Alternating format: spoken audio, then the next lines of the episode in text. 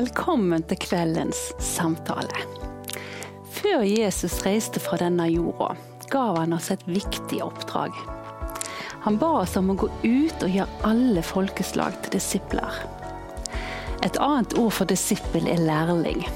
En som følger etter en læremester og observerer han for å siden gjøre det samme som læremesteren har gjort. Og For oss kristne er jo Jesus vår læresmester. Bibelen viser oss hvordan Jesus levde, og den gir oss også gode eksempel på hvordan vi kan være gode etterfølgere av Jesus i vårt liv. Men hvordan ser det egentlig ut å være en disippel av Jesus i dag? Og hva konsekvenser får det for mitt og ditt liv? Er det sånn at mine valg og prioriteringer bør være annerledes når jeg er en kristen? Bli med oss i dag når vi tar samtalen om det å være en Jesu disippel i 2024.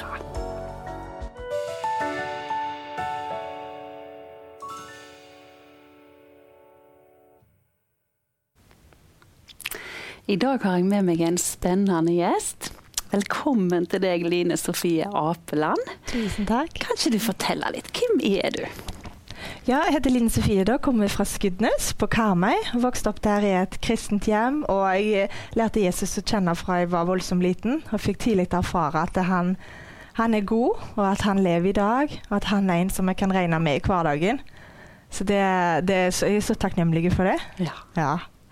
Grunnen til jeg inviterte deg, er jo at du er ei dame som har fascinert meg. Jeg hørte deg eh, vitne eller fortelle fra livet ditt eh, for et par år siden på bønnekonferansen i Haugesund. Og da fortalte du fra et spennende arbeid i Kenya. Kan ikke du forteller fortelle litt, eh, hva gjør du der nede? Ja. Menigheten vår, Troens Ord, på Karmøy har et spennende misjonsarbeid i Kenya. Med barnehjem og skole og sånn. Og så ble jeg spurt for noen år siden å være med nær der og starte en helseklinikk. Så siste årene så har jeg reist der ca. annenhver måned og vært med å bygge opp et helsesenter da, langt ute i bushen der. Og det er utrolig spennende å få se altså det, det arbeidet og det som, som, Gud gjør der nære. Midt iblant altså nød, fattigdom, mennesker som hungrer etter mening med livet. Mm. Så utrolig spennende. Er det sånn at du alltid har kjent på et kall det å bli misjonær? Jeg husker når jeg var jeg tror det var rundt åtte-ni år. eh, satt på bedehuset i Skudenes, og så fikk jeg en spesiell opplevelse. Det var en misjonær på besøk, satt og fortalte og viste bilder. Så fikk jeg en spesiell opplevelse der jeg kjente det greip meg sånn. Og der jeg, jeg, kjente at Gud han kaller alle av oss. Han trenger alle mann til å, til å gå i den planen som han har for hver enkelt av oss. Så ser jo ikke det likt ut for alle, men jeg kjente det, det begynte å vokse fram en nød og en, en brann til å reise ut og være med og fortelle det som jeg har opplevd da, mm. Eh, med Jesus. og at, at det, folk kan få lov å oppleve han da. Mm. Ja. Eh, har du et, noen hendelser som har skjedd der nede som har gjort ekstra inntrykk på deg og gjort noe med troa di? Mm. Ja, det er mange av dem. Mm. Eh, jeg husker nå sist i denne prosessen når vi har starta denne klinikken, nå, så var vi ute i en landsby og hadde sånne helsedager. Enkelt medisinsk hjelp. Sant? Og altså, køene er så lange som bare øynene kan se. Og uh, da kommer de sant, i desperasjon, i nød, og de hva skal jeg si, forventer å få, få hjelp. ikke sant? Mm. Også Det viktigste vi kan gi, det er jo å gi dem evangeliet. Så vi begynner med å dele evangeliet. Så det gjorde vi, og så ba vi for syke før vi kom i gang med behandlingen. liksom. Og Jeg husker da, altså jeg tror ikke vi hadde sagt amen, og så er det ei dame som roper 'Jeg kan se igjen! Jeg kan se igjen!' Og det var så sterkt. Og det brøt ut en sånn begeistring der midt ute i landsbyen, fordi Jesus var der. Og han kunne røre. Han rørte med hun dama som eh, gjorde at hun fikk syn igjen på det ene øyet. Og det var så sterkt. og jeg og jeg kjenner det, det oppmuntrer meg og det begeistrer meg at det er ingenting som er for vanskelig for Gud. Og så ser du vel sikkert med på en måte de som er der, som ikke har si, det tilbudet vi har da, mm. med ja. helsevesenet, som mm. selvfølgelig mange, på mange måter er en velsignelse for oss som bor her i Norge. men mm men det gir jo de en, en, større avhengighet av Gud, vil jeg tro. Og kan, hvordan merker du på en måte forskjellene der i forhold til forventningen, da? Altså Der nede så ser vi voldsomt tydelig at mennesker søker Gud først, for de har ikke så mange andre å gå til. Så f.eks. på møter, hvis man inviterer til forbønn, så er det jo fullt der framme før du har sagt eh, velkommen, nesten. Fordi de trenger seg så på Gud. Det er en sånn avhengighet til at hvis ikke Gud griper inn, så, så, så, kan, så går det ikke. Mm. Uh, og, altså, jeg tenker på, på, Nå jobber jeg som lege der nære òg, og liksom se på, på klinikken der og se altså Når de kommer inn, så har de nesten mer tro til Gud enn de har til oss leger. Der, og de spør, begynner å be for meg. Be for meg først, før jeg skal liksom begynne å gjøre det. Så det, det er herlig å se. Men så syns jeg òg altså, midt der blant så De er jo vant med f.eks. å føde på et jordgulv der ute. ikke sant? Og den der, De kommer inn, og der, de får hva skal jeg si, hjelp der, men så er det Gud som skal ha takken. Det er han som mm. skal ha æren, og de er så takknemlige og ja, til Gud. Altså, det er nydelig å se. Mm. Du fortalte jo et ganske sterkt vitnesbyrd eh, som iallfall gjorde inntrykk på meg. Eh, om en liten baby som ble mm. vekt opp faktisk fra de døde. Mm. Kan ikke du fortelle den ja. historien? Mm. mm. Ja, Det var noen år tilbake. Jeg lurer på om det var 2016. Så jobba jeg i Togo i Vest-Afrika. Der Ungdom i oppdrag hadde en eh, stasjon. Så var jeg der og jobba på en klinikk der. Og Seint en kveld så kom det inn ei dame som skulle føde. og eh, vi fant ut, Fødselen var i gang, og vi fant ut etter hvert at dette her var en setefødsel. Så det kan jo føre til litt mer komplikasjoner, spesielt når vi er så langt ute, sant, vekke fra store sykehus og sånn. Eh, men vi ba nå forberedt oss og sånn, og så gikk det nå litt tid, og så ble den ungen omsider født. Men da hadde det vært en voldsom lang fødsel, ungen satte seg fast. Eh, og oksygentilførselen ble dessverre kutta over en, en periode der, så når ungen kom ut, så var var det ikke noe tegn til liv. Altså, jeg har aldri sett en baby så grå, nesten blå i huden. Altså. Og, eh, hjertet slo ikke, han pusta ikke, det var ingen pupillreaksjon, ingen muskeltonus når vi, når vi undersøkte denne babyen. Så vi begynte jo gjenopplivning med en gang. Og vi, altså, vi ba og vi ba for den ungen, mm. selvfølgelig. Og mammen ba og sang over denne babyen. Og vi holdt på, altså, jeg lurer faktisk på om det var bortimot to timer. Og det er voldsomt lenge da, å drive ja. gjenopplivning. Uh, men uh, til slutt, og hun som var liksom øverste ansvarlig der, hun sa nå, nå må vi bare si liksom erklære babyen død. da. Så Det var voldsomt tøft øyeblikk, for vi hadde hatt så håp og tro til at dette skulle gå bra. Mm. Eh, og mora var jo knust, selvfølgelig. Så dette var, var klokka, det var midt på natta, i hvert fall, så, så, vi tok og pakte denne babyen inn i tepper og, og la den ut på et rom. Eh, så skulle de eh, pårørende komme og hente den, for de pleide å gravlegge dem med en gang. I mm. kulturen der da. Fikk vi ikke tak på han pappen, så ungen ble nå liggende der. da, liggende der. Eh, så gikk vi og la oss, eh, de fleste av oss, utenom hun ene sykepleieren som var på vakt. Og En time etter dette var liksom skjedd og ungen var erklært død, så skulle hun inn på rommet der som, som den døde babyen lå, og bare hente noe som skulle hjelpe mora med. Og når hun går forbi der som ungen lå, så ser hun at det beveger seg under teppet. Og hun vet jo ikke unna seg bort. Og hva er det som skjer her? Å, jammen meg, du. Denne babyen levde. Der lå han og pusta, hjertet slo. Og tre timer senere kom jeg ned for å spise frokost. Da. Og hun sier 'kom og se', kom og se. Og jeg, altså, jeg tror tårer rant på den ene og den andre når vi så den, den babyen som lå der. og jeg, altså For det første så syns jeg det er så sterkt at Gud altså Ingenting er umulig for han, ikke sant? men det er jo at når vi tenker det for seint, så virker Gud fortsatt. ikke sant? Når vi har bedt over ting kanskje i lang tid og tenker at det, hvordan skal det gå? Det er ikke noen mulighet. Så er det fortsatt håp, for Gud han er, han er mektig. Han er på tronen ennå. Halleluja. Så herlig. Og trosstyrkende, for det er jo det der eh, Når vi ikke har Når alt håp er ute, så har vi fortsatt håp. Mm, Spennende. Jeg gleder meg til å høre enda mer ifra deg. Nå skal vi få en sannhet ifra Linda ifra Sanning samtalesenter.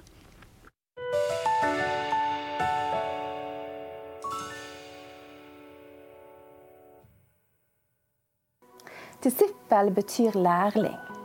Å være en disippel betyr at vi lærer av Jesus og ønsker å bli mer lik han. Ved å være Jesu disippel kreves ikke mastergrad eller lang skolegang. Vi er det i kraft av at vi har en relasjon med han. Og Det som er så fint, er at vi skal få slippe å drive disippelskap alene. Vi har læremesteren med oss i alt vi tar oss fore. Og i kraft av det så kan vi få bli utrustet til et liv der vi kan få bringe Jesus til deg rundt oss. Så la oss minne hverandre på hva Bibelen sier om det å være disippel. Et nytt bud gir jeg dere. Elsk hverandre. Som jeg har elsket dere, skal dere elske hverandre. Og på dette skal alle kjenne at dere er mine disipler, hvis dere elsker hverandre.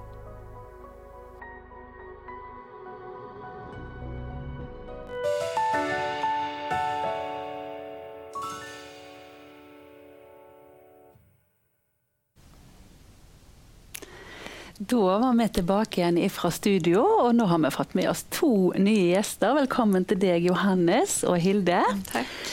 Johannes, kan ikke du fortelle litt? Hvem er du? Jeg er Johannes. Eh, oppvoksen på Ogna på Jæren. Eh, nå bor jeg på Fitjar. Eh, der er jeg gift, og så har jeg fem unger i hus. To, nei, tre egenproduserte og to fosterjenter. Så jobber jeg som lærer i tillegg til å være med de fosterjentene. Mm. Ja. Du er vel litt engasjert i menighetslivet òg? Det er helt sant. Jeg er eh, pastor i eh, en nyplanta menighet på Fitjar. Ja. Så der jobber jeg på fritida, da. Mm.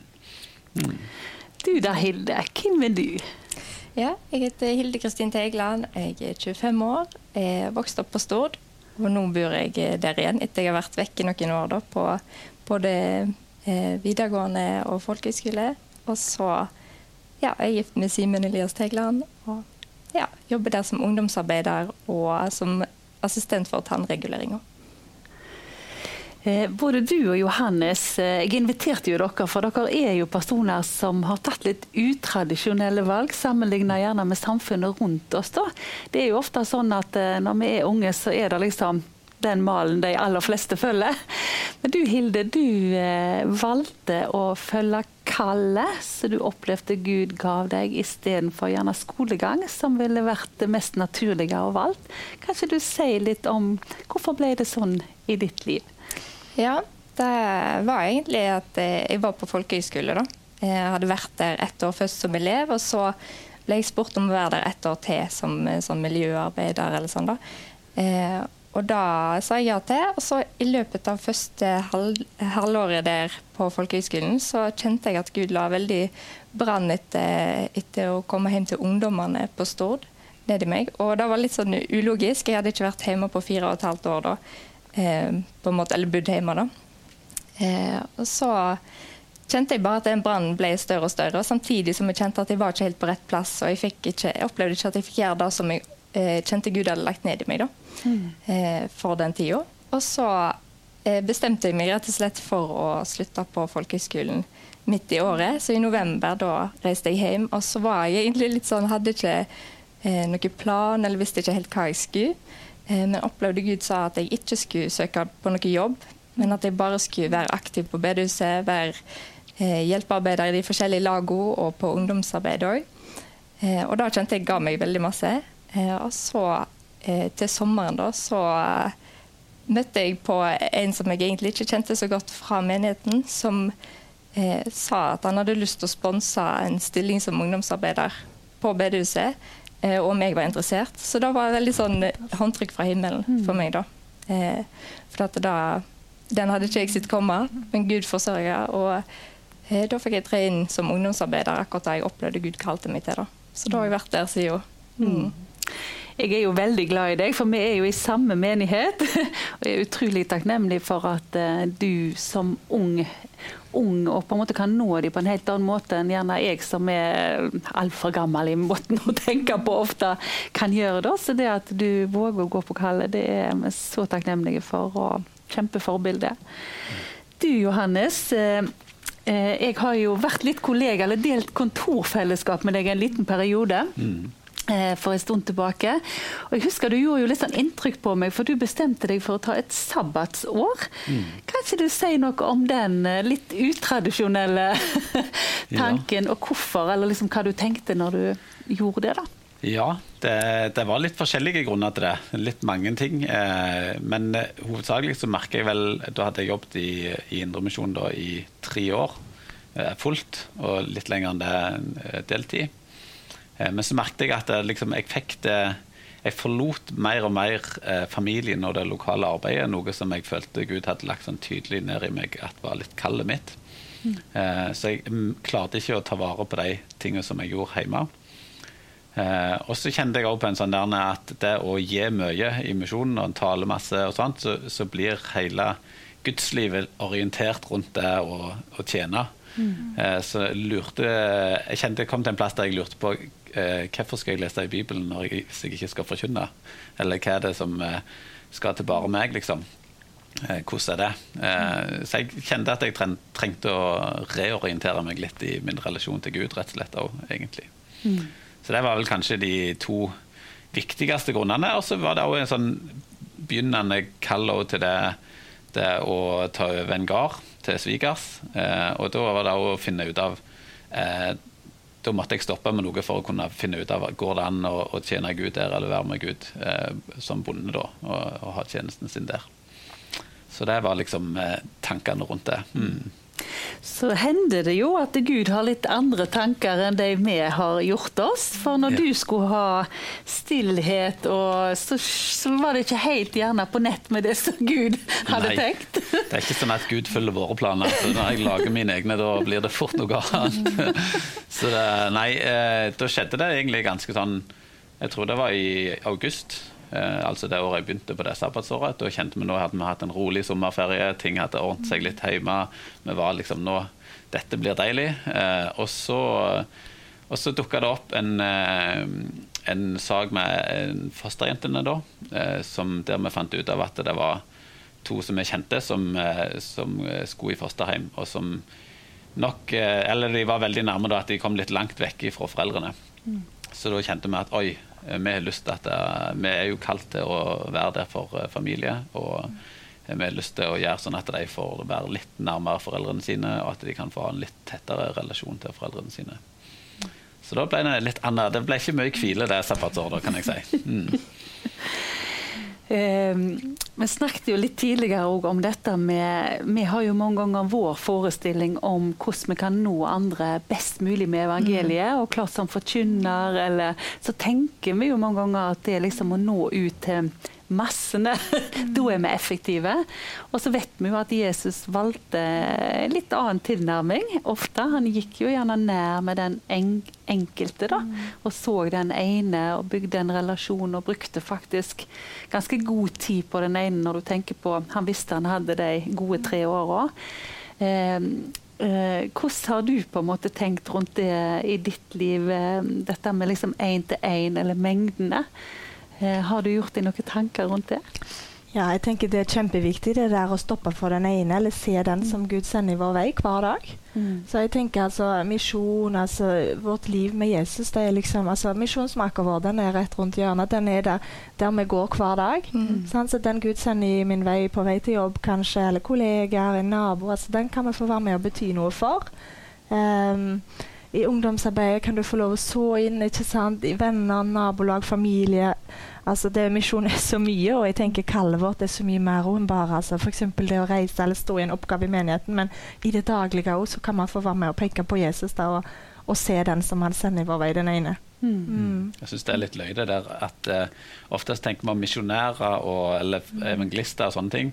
De skal liksom oppføre seg på en spesiell måte, mens når vi er liksom i de andre relasjonene, da skal vi gjøre det helt annerledes. Mm. Så det er jo egentlig sånn at vi har misjonsmerker rett rundt oss med ja, Det er bare litt annen type nød, kanskje, eller andre mm. type ting som, mm. som Jesus vil gi inn i, i de livene, enn akkurat kanskje ja, en eh, et møte eller, eh, eller ute med en mm. legestasjon eller sånn. Mm. Og så er det jo gjerne noe sånn at vi på en måte si, ikke tenker om oss sjøl at vi er kvalifisert til å dele evangeliet. Noen tenker gjerne at jeg, jeg, må få de til den pastoren eller den mm. evangelisten eller for at de kan bli frelst. Og så glemmer vi litt å se at det, eh, han har jo lyst til å bruke oss, kroppen. Mm. Alle vi som på en måte er hans barn. Og kraften det er i vitnesbyrdet vårt, da om vi ikke har all verdens talekunnskap eller så er det liksom noe med det der å være den, den vi er, da. Eh, og hvordan på ulike måter. Men du fikk deg jo en aha-opplevelse gjerne litt der i forhold til For du, du, har jo på en måte virka i misjonen og, og, fått delt evangeliet der, men, men uh, dette med liksom de som du nå har investert tid i og via livet ditt til mm. i forhold til å nå inn, da. Mm. Sånn med evangeliet og troa. Ja. Ja, det er jo sånn at eh, det er jo ikke vårt hovedoppdrag å, å få de til å få ei tru. Mm. Eh, og vi har jo ikke Det er jo helt valgfritt for dem selv om de bor i vår heim, om de vil tro eller ikke. Mm. Eh, men, men, så opplevde vi at, at, de, når de fikk ta del i de eh, kall det vanene eller rytmene som vi har med leggetid og måltid og sånn, så opplevde de at de fant noe av Gud i det, og hadde lyst til å, å fortsette eh, eller gjøre de samme tingene. da. Mm. Um, og det syns jeg var utrolig kjekt å se at det òg var noe som de tok med seg hjem, at de hadde lyst til å, å gjøre det når de var hjemme hos mamma og pappaen sin, at de fikk lyst til å synge for maten og spise i lag og, og, sånne ting. Så det syns jeg er ja, jeg synes det er stilig å se hvordan Gud kan jobbe iblant oss uten at vi plent overbevises masse. Mm. mm, ja. Og det er jo litt på en måte den måten Jesus òg han, han, gikk jo i lag med. Det å invitere andre med i vårt eget liv. Eh, og la de på en måte gå i lag med oss. da, Dette med eksempelets makt. da. Eh, jeg vet ikke hvordan det er med deg, Hilde, som er blant ungdommer. Tenker du om deg sjøl at du er på en måte et forbilde, et eksempel? Er du bevisst på det i mm. din hverdag? Ja, jeg må jo, må jo, være bevisst på det. For det vet jo at uansett om vi er gode forbilder eller dårlige forbilder, mm. så påvirker vi det vi har rundt oss. Og så sier jeg jo at det er så viktig at jeg går tett med dem, og at jeg på en måte inviterer dem inn i mitt liv, og at jeg, ja, at jeg er der for dem, sånn at jeg òg blir invitert inn i deres liv. Eh, for når jeg begynte i ungdomsarbeidet, eksempel, så var det, eh, da var det ganske mange ungdommer, og vi fikk gjort masse såarbeid, på en måte eh, snakka med mange og delte evangeliet med mange. Men vi så at vi mista litt den der disippelgjøringa. Da. Eh, og da å gå tett med folk og, og, se at livet forvandler seg. Eh, så det har virkelig vært sånn bønn for meg. Gud, vis meg hvordan det ser ut. Vis meg hvordan jeg kan få gå nærmere deg. For da vet jeg at når jeg begynte i jobben, så så jeg ikke hvordan, eh, hvordan det så ut. da. Jeg visste ikke hvordan jeg skulle gå fram for å komme inn på livet deres. Så det har egentlig vært eh, bare at jeg har bedt til Gud om at jeg må få lov å få innpass og komme, på, ja, komme inn på de da. Eh, oppleve at han har gjort masse der. Mm. Det er jo noe med det der når vi våger sjøl å dele sårbare liv og invitere folk inn når de ser den vi egentlig er. Mm, ja, For det er så lett å ta på ei maske, men hvis jeg tenker hjemme hos dere òg, da ser de jo hele dere. Ja. Og det skaper jo en troverdighet, og kanskje vi blir litt lettere å nærme oss òg, da. Men dette med å å følge et kall, eh, eller ta på en måte det oppdraget Jesus har gitt, det har jo ofte òg en pris. Det er ofte noe en må gi avkall på. Hvordan har det sett ut i ditt liv, Line Sofie?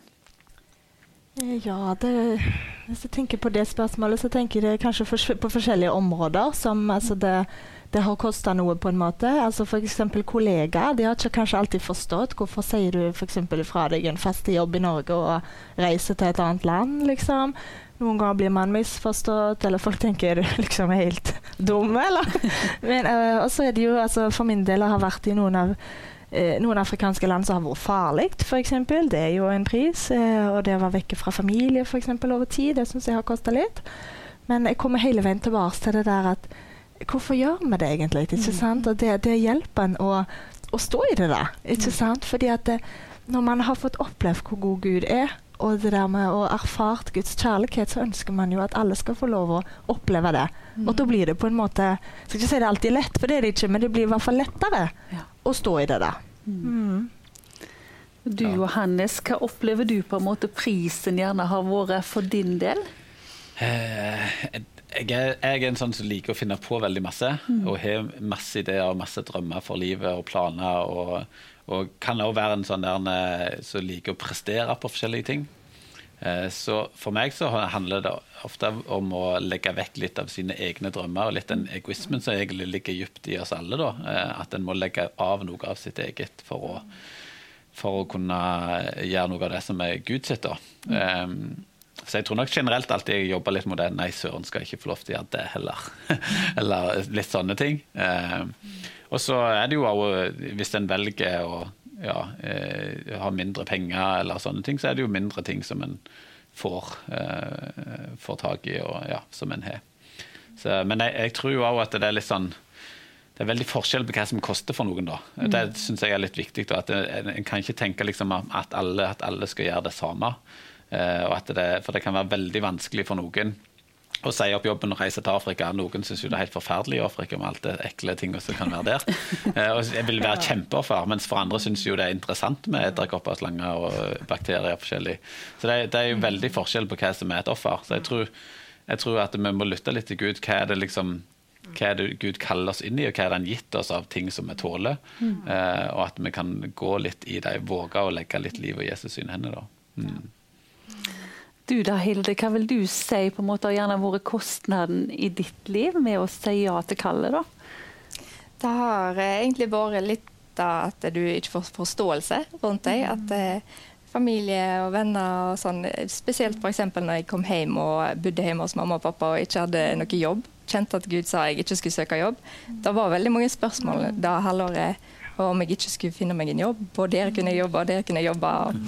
Eh, så det der å få forståelse for at dette opplever jeg at Gud har talt til meg. Eh, men jeg kan ikke på en måte vise fram noe bevis på at det, det har han gjort, men jeg opplever det sånn. Eh, og så er dette her med venner, kanskje. At eh, på Stord, som er ei øy på Vestlandet, så er, er, det ikke sånn flust av brennende kristne på min alder. Og da kjenner jeg jo at eh, jeg ser jo det andre miljøer rundt forbi, og andre skoler og ting som jeg kjenner at åh, der, der har du da miljøet som jeg lengter etter. da. Men så kjenner jeg òg at, eh, at, jeg har så fred i at eh, der Gud har kalt meg til å være, det er der jeg får mest velsignelse av å være, og det er der jeg kan gi mest velsignelse. da. Mm. Så da er, er liksom det jeg kommer tilbake til hver gang, da, selv om jeg ser ting som jeg lengter etter. Mm. Jeg kjenner meg veldig igjen i det du sier for mitt eget liv òg. Er det nok kanskje dette med, med ensomheten som har vært den største prisen? Eh, jeg er jo familiedame, så liksom det der å ha balanse i livet mellom tjeneste og mm. familieliv mm. Eh, har iallfall vært for meg at jeg har måttet gitt avkall kanskje på den tida med venner som jeg ellers ville hatt. Det velger jeg å bruke i tjeneste for Jesus. Mm. Eh, det var jo før jeg ble pastor òg, sånn sett. Da var det på en måte lovsangen og det å gi meg inn til arbeidet med hele meg, da. Mm. Eh, men da valgte jeg òg vekk noe. Sant? For vi sier ja til noe, så sier vi jo òg alltid nei til noe. Og det er litt av på en måte prisen å gå, mm. men du får en velsignelse. Mm. Ja. Og det er jo som du sier, å være på en måte i Guds fullkomne vilje og bli forma til den som han tenker at mm. vi skal være, da, enn å følge på en måte egoismen som gjerne er kanskje vår største hindring eh, i vår tid, på en måte. For det, det ligger så naturlig, og blir så, det blir så heia på sant? fordi du fortjener det, og liksom mm. Eh, ta vare på deg sjøl. Og, ja. og, og, det der å tåle å bli misforstått. Mm. Og jeg tenker jo Jesus var jo en som virkelig tålte å bli misforstått. da. Jeg tenker på det som uh, hun sa med det, at en opplever Gud sier noe. Det er ikke alltid sånn tydelig i skriften på veggen. Eller sånt. Så hvis det da er litt sånn radikale valg, så er det mm. utrolig vanskelig å stå i det og forklare det. liksom. For det er jo ofte sånn eh, Jeg opplever kanskje sånn kanskje litt vagt i starten, så begynner en å gå på det, så kjenner en blir sikrere og sikrere. Og så er det liksom, nå begynner en å bli sånn tålelig sikker på at dette er Gud, liksom. Men det er fortsatt ikke så tydelig, det er bare en sånn pakke, liksom. Mm. Uh, da da syns jeg det er vanskelig, som du sier, å og da er jo, men det, Gud har sagt at jeg skal gjøre sånn. For det, han har jo ikke sånn tydelig sagt det, men at det, det er bare noen sånn følelser og retning som, mm. som bare, en bare havner der litt. Mm. Eh, så det er jo kanskje òg en sånn pris at det der med å eh, at, at en liksom ikke helt eh, kan forklare det, mm. hva som gjør at vi velger de valgene en gjør. Ja. Og så er det jo mange ganger sånn at vi må ta mange ganger det ene steget ut av den trygge båten da, før vi erfarer Guds hånd. Mm. Enten det gjelder for, eh, forsørging, eller at han åpner noen dører. Eller. Så det er jo liksom en sånn Ofte krever det jo en troshandling at vi kobler oss på først, da, mens vi står der og ikke helt vet om vannet vil holde, eller hva det måtte ja. være. da, sant? Hvor har vi blikket vårt? Vi er midt i en spennende samtale, men nå skal vi ha en liten pause før vi er tilbake igjen med del to av samtalen.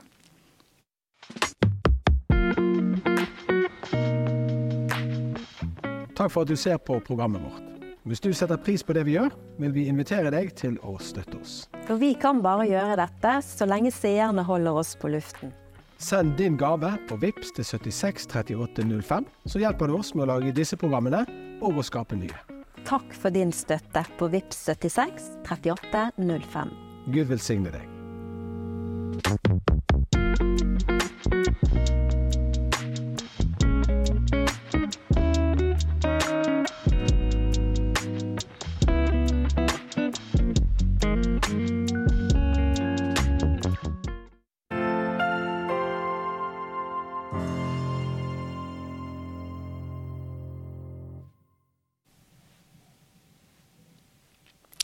Velkommen tilbake igjen i del to av samtalen.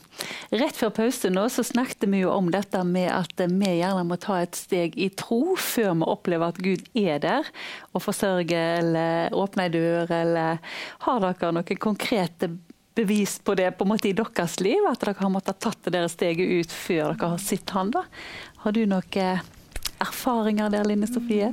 Ja, jeg har hatt altså jeg tenker siste årene egentlig, når jeg gikk fra det å slutte i fast jobb liksom, til det å tørre å å handle på kallet, om man kan kalle det det, liksom, så, så hadde jeg altså, fått mange ord. Det var liksom ting som lå der jeg kjente ja, dette skal du gjøre. Og så kommer den usikkerheten. Er du sikker? Og sånn.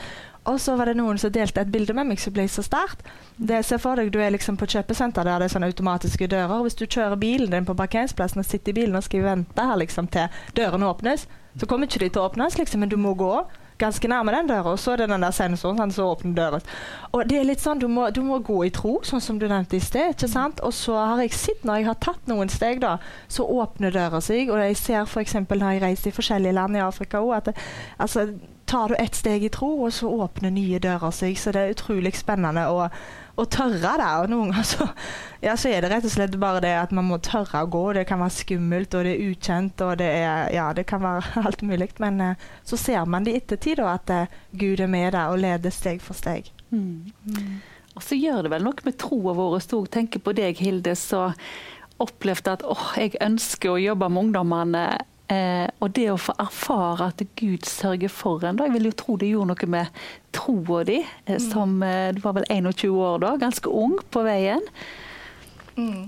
Ja, det gjorde det absolutt. Og det, veldig, det var kanskje første gang jeg opplevde det der å, å trø ut på noe som, eh, som var kanskje kald, da. Eh, I begynnelsen så var jeg usikker er dette et kall, liksom, kan jeg kalle det for det. Eh, men jeg så etter hvert som jeg gikk at jeg, jeg, kjente en sånn fred for at dette er noe Gud kaller meg inn i. Og, eh, så var jeg òg veldig veldig tydelig med Gud fra starten av at hvis jeg skal gjøre dette her, så må du være hovedpersonen. Da må du hjelpe meg, da må det være du som leder meg gjennom det. For i meg sjøl som 21-åring, eller hva jeg var, så eh, følte ikke jeg at jeg hadde så masse å komme med, eller at ting var på plass, og at eh, nå skulle jeg lede ungdomsarbeid, eller mm. sånn. da. Men jeg kjente virkelig at Gud kalte meg, og så tenker jeg at han utruster den han kaller. Mm. Eh, så jeg har liksom hatt en sånn eh, ja, Det har vært veldig fint å, å, gå i det og bare se at Gud legger ting til rette. da. Oppleve at jeg har fått mange håndtrykk fra himmelen i forhold til mm. dører som åpner seg, og at han har forsørga meg på så mange måter. da. Mm. Mm. Har du noen konkrete opplevelser og erfaringer ja. av at Gud har overraska deg litt der, Johannes? Ja, jeg eh, tenker veldig godt om meg sjøl av og til. Så jeg tenker ofte at jeg går litt i veien for Gud. da. Mm. Eh, for jeg tenker liksom jeg skal få til dette her sjøl og sånn. Så av og til så må jeg rett og slett lukke dører, eller våge å slippe taket og si nei, jeg kan ikke jeg kan ikke gjøre dette. Eh, hva er det egentlig du vil, Gud, at jeg skal gjøre? For jeg kommer på så masse sjøl. Eh, så for meg så er det ofte vært å prøve å begrense meg sjøl og lukke igjen ting. Så, så spretter dørene opp mm. eh, litt mer sånn. Mm. Så da, ja, det handler jo om å av og til slutte i en jobb, eller Jeg husker en gang så, da når meg og Nina vi hadde det ganske stritt hjemme, og så kjente vi bare nå må vi kutte noe. Mm. Og da, da skrev vi opp alle tingene som vi gjorde, på sånne gule lapper. Alt ifra treninger til ansvar for en klubb eller forskjellig. Alt sammen. Eh, og så spør vi til Gud. Her er alle tingene som vi gjør. Hva vil du vi skal legge vekk? Hva vil du vi skal fortsette med? Mm. Og så sorterte vi de i, i den, ene i midten som var litt usikre på. Og da var det liksom ganske konkret. Dette her trenger vi ikke alle på med lenger. Det er ikke noe som Gud eh, vil at vi skal gjøre. Det tar bare vekk fokus fra det som Gud vil. Eh, og så var det noen ting som var ganske drit å slutte med der. Både fordi at en følte at det var noe som en kanskje fikk til eller var gøy og sånt, men en kjente at det var ikke det som som Gud kaller det. Så da måtte en liksom, kanskje i løpet av et halvt år da, så måtte en legge ifra seg det ansvaret som en hadde på de tingene. Så det, det, var en ganske sånn ja, et offer da, som jeg kjente på en gang. Eh, når en bare liksom må lukke igjen litt eller stenge litt. Mm. Jeg regner jo med i løpet av på en måte hverdagen så står dere jo i situasjoner hvor en kjenner at åh, dette er overveldende, dette kan jeg ikke i meg sjøl, eller dette har ikke jeg kunnskapen eller kapasiteten til. da. Eh, hvor henter du styrke til å stå i de situasjonene? Altså, det, tenker, det er jo fra Gud, egentlig. Fordi altså, det er jo han som har kalt oss. Eh, og altså, jeg er helt totalt avhengig av Gud i forhold til det som jeg står i, og jeg hadde aldri klart det uten. Um, og jeg tenker på ja, altså han, det, Ingenting hadde fungert uten han, og vi ser jo når han forsørger altså, Vi kan ha prøvd og strevd i egen kraft, eller f.eks. siste året når vi har prøvd å samle inn penger til denne klinikken som vi har bygga. Så plutselig så kommer det et ord fra Gud, gjør det sånn, og min, min tanke forstår det ikke engang. Hvorfor skal jeg gjøre det sånn? Og så, OK, vi får prøve det, og så gjør man det, da. Og så plutselig så, så forsørger Gud. Så det, det, det, det, det er han, altså. Det er fra, fra han og fra Bibelen. Det, ja. Mm. Er det noen ord i Bibelen Hilde, som har vært på en måte en litt sånn åh, At du har holdt deg fast til, da, som har gitt deg frimodighet til å våge å gå? For det er jo ofte sånn at når vi sier ja til et kall eller våger å gå på noe, så kommer jo fort fienden. Hvem tror du du er? Og kanskje spesielt som ung. Eh, er det liksom et bibelvers som har vært godt for deg eh, å lene deg inntil? Ja, det er egentlig to bibelvers som jeg ser er sånn gjengangere, som jeg har hatt med meg eh, ja, egentlig helt siden jeg starta i jobben. Eh, som har vært veldig viktig for meg. Og det ene er Salme 127, vers 1 der. Hvis ikke Herren bygger huset, arbeider bygningsmennene forgjeves. Hvis ikke Herren vokter byen, våker vaktmannen forgjeves. Eh, både dette her med å liksom legge det i Guds hender, men òg så er det så trygt og godt å vite at det er Guds ansvar. Da. Eh, og så er det et annet som eh, står i ordspråkene 1022. Det er Herrens velsignelse som gjør rik. Eget strev legger ingenting til.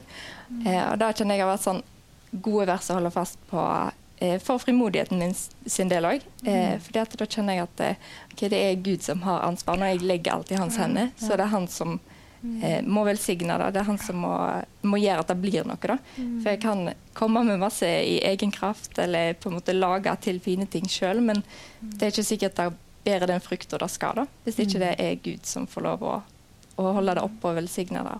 Mm.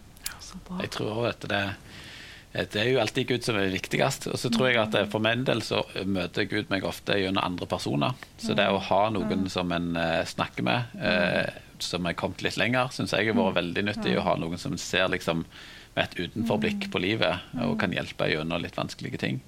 Eh, og samtidig også det å ha noen å bekjenne synd med, syns jeg har vært kjempeviktig for meg. For da kan en renske ut noe av driten som en har sjøl, og være mer avhengig av Gud, egentlig. Eh, så det hjelper meg veldig masse å ha ja, egentlig to personer, da, mest en sånn som hjelper meg til å løfte blikket, og en til hjelper meg å bli kvitt eh, driten, sånn at en ikke sitter inne med det sjøl. Mm. Har du noe bibelvers som på en måte har vært en gjenganger hos Ja. deg, eller gitt deg styrke? Eh, 1. Johannes 1,9 er jo det med å bekjenne, så, eh, og da renser Jesus. Og det har jeg kjent et sånn alltid behov for, at eh, en må få vekk det som, eh, som ødelegger og står i veien. Eh, og så Efeserne 2, 8-10, det med at vi hans verk, skapte Kristus Jesus til gode gjerninger. Det syns jeg er så fint at Gud har egentlig gjort alt. og Han har opplevd alt og han har lagt alt ferdig. Så vi skal bare få spasere gjennom, uansett hvor kaotisk det ser ut eller hvor vanskelig det er. Så, så har Gud vært der, og han går på sida av oss. Mm. Ja. Så bra. Mm. Viktig det du sier med relasjoner, og det å tørre å på en måte invitere andre inn. Eh, som jeg kan, for det er kraftig å bekjenne syndene for hverandre, og det å leve transparente liv, det, det gjør oss òg på en måte ydmyke. da. Eh, jeg tror det er så viktig. Eh, og det å, den velsignelsen det er òg i det kristne fellesskapet. Vi blir ikke så sårbare som når vi står alene, på en måte. Og i det siste har jeg fått så mye opp dette bildet av reven eller ulven så angriper. Han angriper jo aldri flokken, han tar jo ofte den som kom på sida eller er eh, for seg sjøl. Så det er et vern, eh, men det er òg en pris å gå tett med, for vi smiser på hverandre på godt og vondt. Men, eh, men det er noe med å invitere andre eh, tett inn på livet vårt. Da. Så skal ikke vi brette ut hele livet til absolutt alle, men, men Gud, hvem har du for meg, så jeg kan våge å gå så tett med, da. Vet ikke hvordan det har sett ut i, i ditt liv. Har du noen bibelvers som på en måte har vært retningsgivende for deg? Ja, eh, jeg tenker på eh, de ordene i Jeremias 1, når eh, Jeremia får kallet fra Gud, så sier han ikke meg, liksom, jeg er for unge. Og jeg har tenkt mange ganger, jeg kan ha så mange unnskyldninger, og det kan kanskje den enkelte av oss føle av og til. Vi har for lite utdannelse, eller vi har for lite erfaring, eller vi har for lite penger, eller man er for ung eller for gammel, eller Og jeg har hatt min liste der med ting jeg følte liksom ikke kvalifiserte meg, men så er det ikke det det handler om. Og Gud han sier at eh, sier ikke du er for unge, sier han der til Jeremia. sant? Eh, til alle i går skal du gå, og til det som jeg har befalt deg å tale, skal du tale. Og det kjenner jeg har oppmuntra meg voldsomt til. Og det handler ikke om hva jeg kan, for sånn som du nevnte, sant? Gud han kvalifiserer den som han har kalt. Mm. Så vi kan bare si 'her er jeg, send meg', og så kan han bruke oss. Så det tenker jeg er en oppmuntring til alle som, som sitter hjemme. Der, sant? Og at Gud han ønsker å bruke hver og en av oss i hverdagen der mm. vi er. Mm. Ja. Og han har jo omsorg for oss. Jeg tenker Et par av de versene som har vært liksom bærende for meg, det er mange, da, men, men dette med 'søk først Guds rike', så vil jeg gi deg alt det andre i tillegg. Eh, så på en måte det der at eh, ok, Hvis det er masse ting jeg ikke vet hvordan jeg skal løse i menighetslivet, eller hva det måtte være, det å ta tid med han da, at ok, Gud, men nå legger jeg vekk alt. Nå ønsker jeg å være med deg og ha fellesskap med deg. Og så minner meg gjerne på ting ikke jeg hadde tenkt. Men det å liksom søke inn til han, da. Eh, og så egentlig Salme 23 det viser på en måte Guds Han er min hyrde.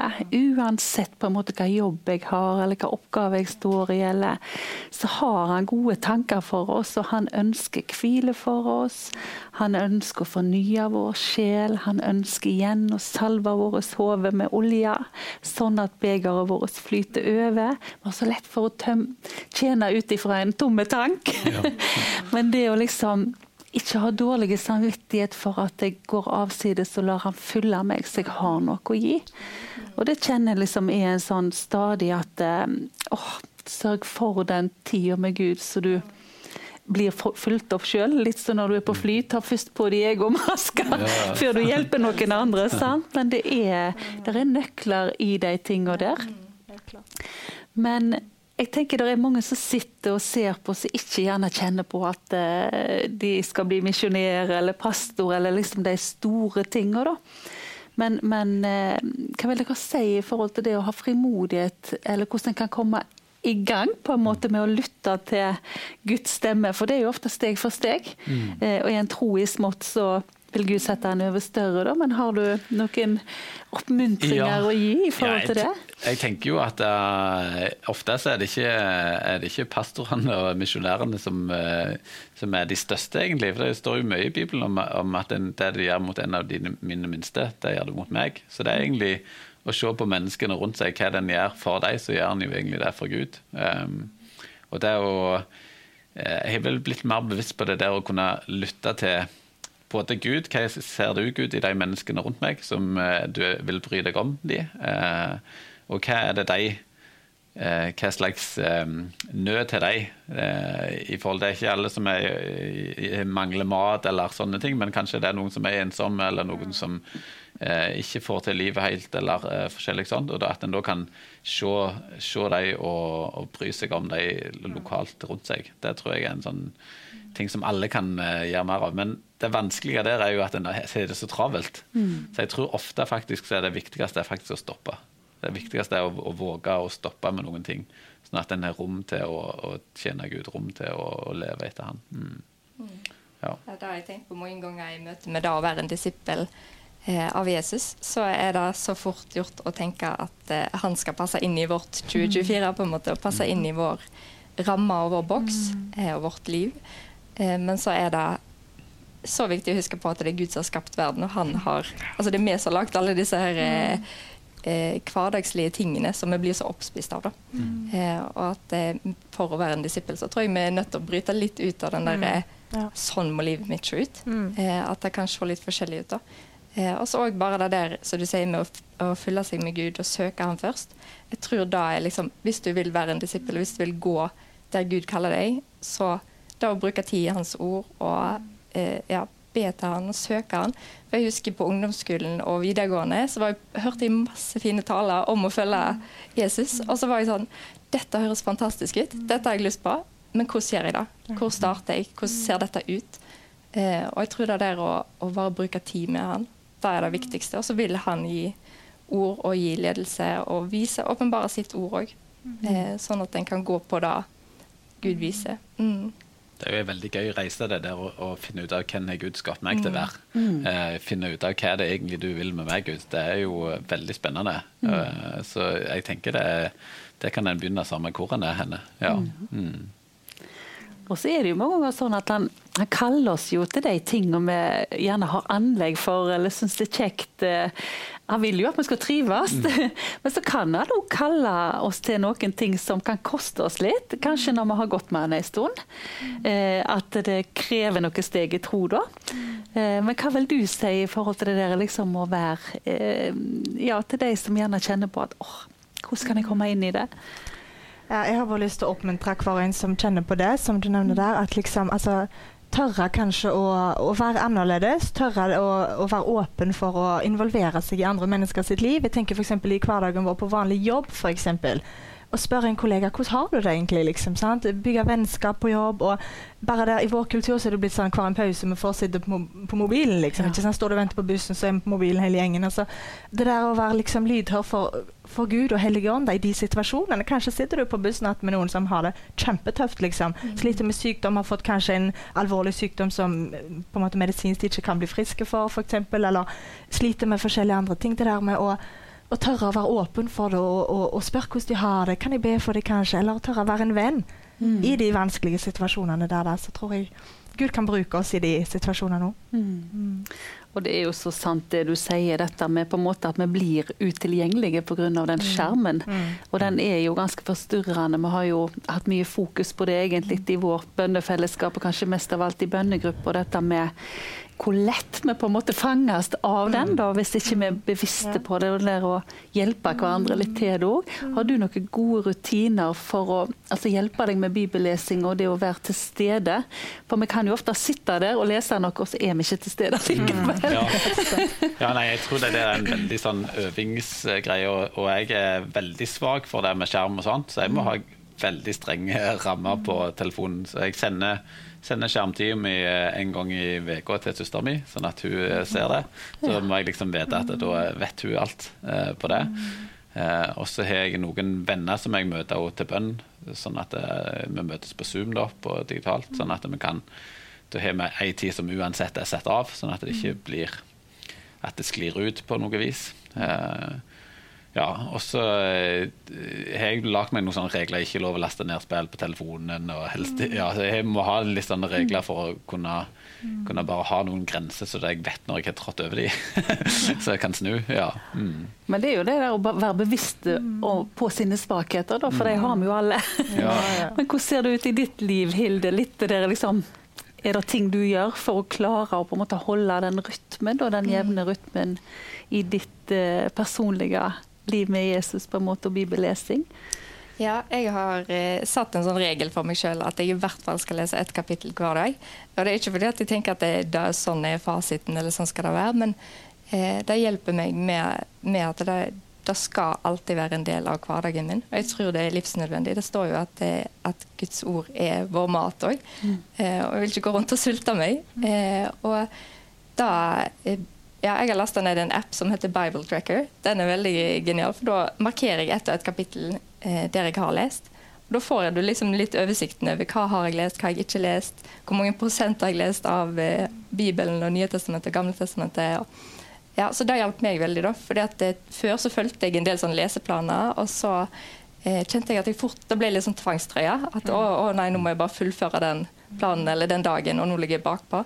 Men når jeg har den eh, appen, så kan jeg på en måte bare markere nå har jeg lest der og der, og så vet jeg at det, nå har jeg gjort da på en måte minimumsgrensa av det jeg eh, har. da. Og så leser meg og mannen min ganske masse i Bibelen i lag. Så nå har vi en leseplan som gjør at vi leser i hvert fall sikkert en halvtime i lag hver dag. Det er veldig veldig verdifullt. Da å ha noen andre å gjøre det med. For da blir det en sånn eh, Ja, da blir det en ting som bare er en del av hverdagen. da. Selv om det ikke alltid er enkelt å få til. Men eh, ja. Kjempeviktige tanker. Nå skal vi få en andakt av Roald Evensen. Se her.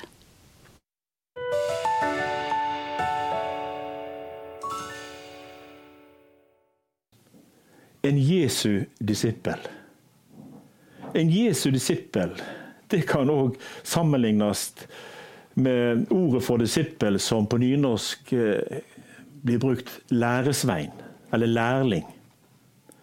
Og Den som da er en disippel i bibelsk sammenheng, han har Jesus som eh, læremester. Og han alene. I Matteus 23 så gir Jesus tydelig beskjed om at dere skal ikke ha andre lærere enn meg. Og Jesus han blir jo også ofte omtalt som, som mesteren.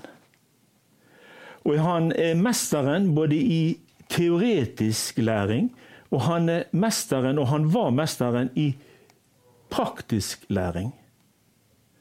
Ja, han blir faktisk veldig ofte kalt for mesteren. Og Tenk også på dette her lille innspillet i Johannes 11, vers 28, der det står 'Mesteren er her og kaller på deg'. Jesus var så interessert i å ha de menneskene som hadde valgt å følge han, og som han hadde kalt, tett på seg, så han kunne få lære dem og undervise dem, både gjennom det teoretiske og det praktiske. Jesus han valgte jo ofte ut disipler fra det jeg vil kalle for nederste hylle. Ofte beskrevet i Bibelen som det som ingenting er. Ja, muligens òg i noen tilfeller faktisk noen tapere. Og han var ofte radikal i sine valg av disipler. Og Her synes jeg at historien om eh, tolleren Levi sier meg noe veldig viktig. I Lukas 5, 27 så står det slik skrevet. Etter dette gikk han ut, og så så han en toller som het Levi. Han satt i tollboden, og han sa til han, 'Følg meg'. Så forlot han alt idet han reiste seg og fulgte han. Og Levi, som senere fikk tilnavnet Matteus, han fikk nå et nytt skjebnefellesskap med mesteren Jesus. Et fellesskap som tidvis òg ble veldig krevende, for det innebar forfølgelse, bl.a. Liv Nore hun har skrevet en sang, og i en av versene i den sangen så står det slik Har du hørt om tolleren som tjente ved sin bod, og regnet med sin inntekt og sitt brød? Hans frelser kom forbi, og han visste og forstod at mannen tross sin velstand var i nød. Han kalte han til heretter med mesteren å vandre, og Levi svarte ja til det rike liv for andre. Jeg har lyst til å gi mitt personlige vitnesbyrd òg her i denne lille andakten. Som 19-åring møtte Jesus meg, kalte Jesus meg til sin disippel, til sin læresvein. Radikalt og sterkt. På en kristen folkeskole og nå har jeg i 50 år fått lov å leve som en etterfølger av Jesus. Det er nåde, og det har vært stort. 50 spennende år som vitne, som forkynner. Og da er sangstrofa her for meg veldig aktuelt å få lov å gi her i dag. Og jeg undres hvorfor Jesus stanset meg og opp meg tok. Og som sangeren òg uttrykker det, han visste alt om meg før han meg kaller. For en nåde. Liv Nordhaug har i denne samme salmen og et vers til slutt som jeg har lyst til å sitere. Har du hørt at kallet til et oppbrudd gjelder deg? Fra alle ting som holder deg igjen. Og du er også kalt til å gå lydighetens vei, kan hende fra din eiendom og venn. Du kalles til det rikeste, det største og det beste. Det nye liv i tjeneste for Kristus og din neste. Gud velsigne deg. Amen.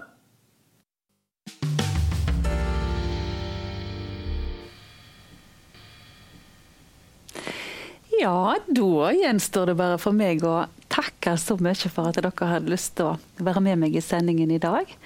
Så takker vi til Roald for en god andakt. Og så håper jeg at du som har sittet der hjemme og sett på, har fått noen gode tanker i forhold til både bibelliv og litt mer frimodighet i det å gå inn i det som Gud har for deg. Du vet det er aldri noen som blir pensjonert i Guds rike, så om du er 80 eller om du er 15, så har Gud like mye bruk for deg. Så da ønsker vi bare på gjensyn neste uke når vi er tilbake igjen neste torsdag med Samtalen. Takk for følget.